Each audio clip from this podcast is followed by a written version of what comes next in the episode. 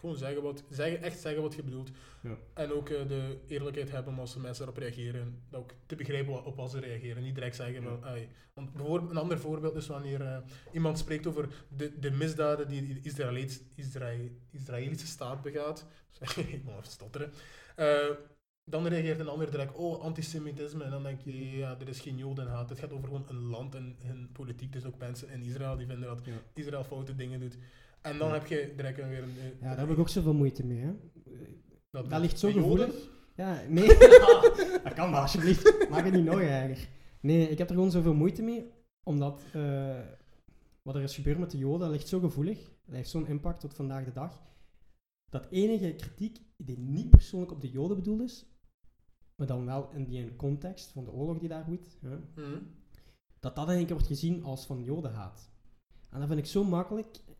Dat is zo makkelijk om een discussie zo te eindigen. Hè. Je haat Joden. Ja, daar zeg je. Dat is, dat is Je bent een nazi. Godverdomme. Dat is pure intellectuele oneerlijkheid. Dat je laat de Mhm. mensen niet toe om een punt te maken. hè.